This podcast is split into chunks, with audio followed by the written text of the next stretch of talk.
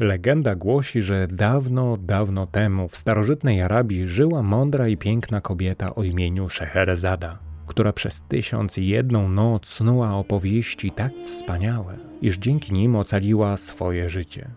Zbiór tych historii znany jest jako baśnie Tysiąca i jednej nocy.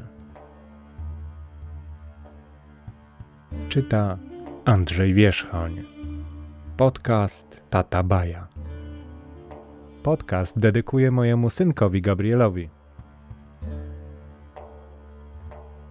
Następnej nocy, kiedy sułtan ułożył się wygodnie w swoim łożu, Szeherezada zaczęła swoją kolejną opowieść. Rabusie i osioł. Dawno temu pewien mężczyzna prowadził swojego osła drogą, gdy od tyłu zakradli się do niego rabusie. Jeden z nich zdjął uprząż z szyi zwierzęcia i założył ją na siebie. Drugi zaś po cichu oddalił się z osłem. Właściciel osła nic nie zauważył. Sądził, że przez cały czas prowadzi swoje zwierzę, aż nagle poczuł, że osioł staje i nie chce iść dalej. Wtedy odwrócił się i osłupiał, widząc, że w miejscu osła stoi mężczyzna. Kim jesteś? spytał.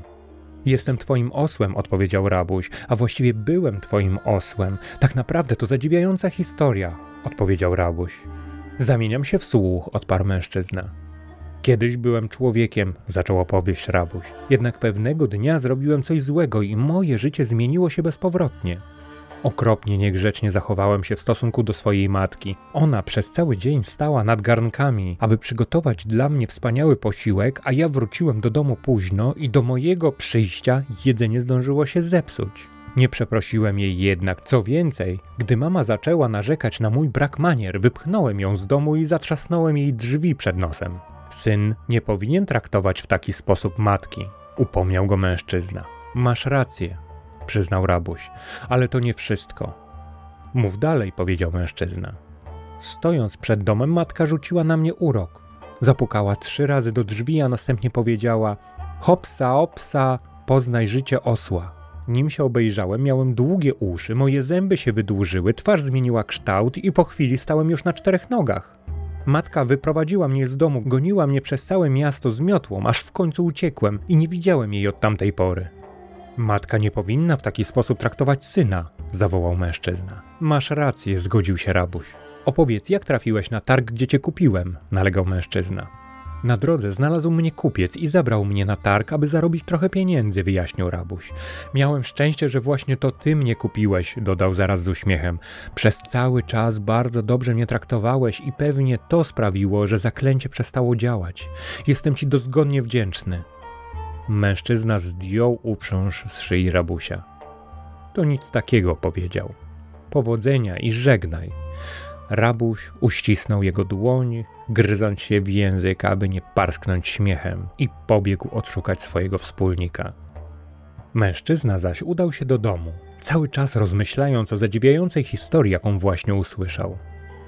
Kiedy opowiedział o wszystkim żonie, ta rzekła: Jeśli to prawda, historia ta jest naprawdę niezwykła. Co jednak poczniemy bez osła? Potrzebujemy go do ciągnięcia wozu.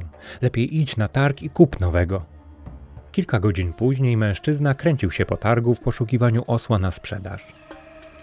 Można sobie wyobrazić, jak bardzo był zdumiony, gdy spostrzegł tam własnego osła. To nie może być prawda, pomyślał. Obejrzał osła od głowy aż po ogon. Tak jak jego stary osioł, i ten nie miał jednego zęba. Z ogona sterczała mu kępa białych włosów. Ogon jego osła wyglądał dokładnie tak samo. Na lewym przednim kopycie widniało małe draśnięcie, zupełnie jak na kopycie jego starego osła.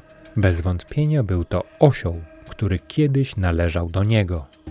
Mężczyzna zmarszczył brwi, spojrzał na osła i szepnął mu do ucha. Ty niesforny łobuziaku, znów byłeś niegrzeczny dla swojej matki? Tym razem nie mam zamiaru cię ratować.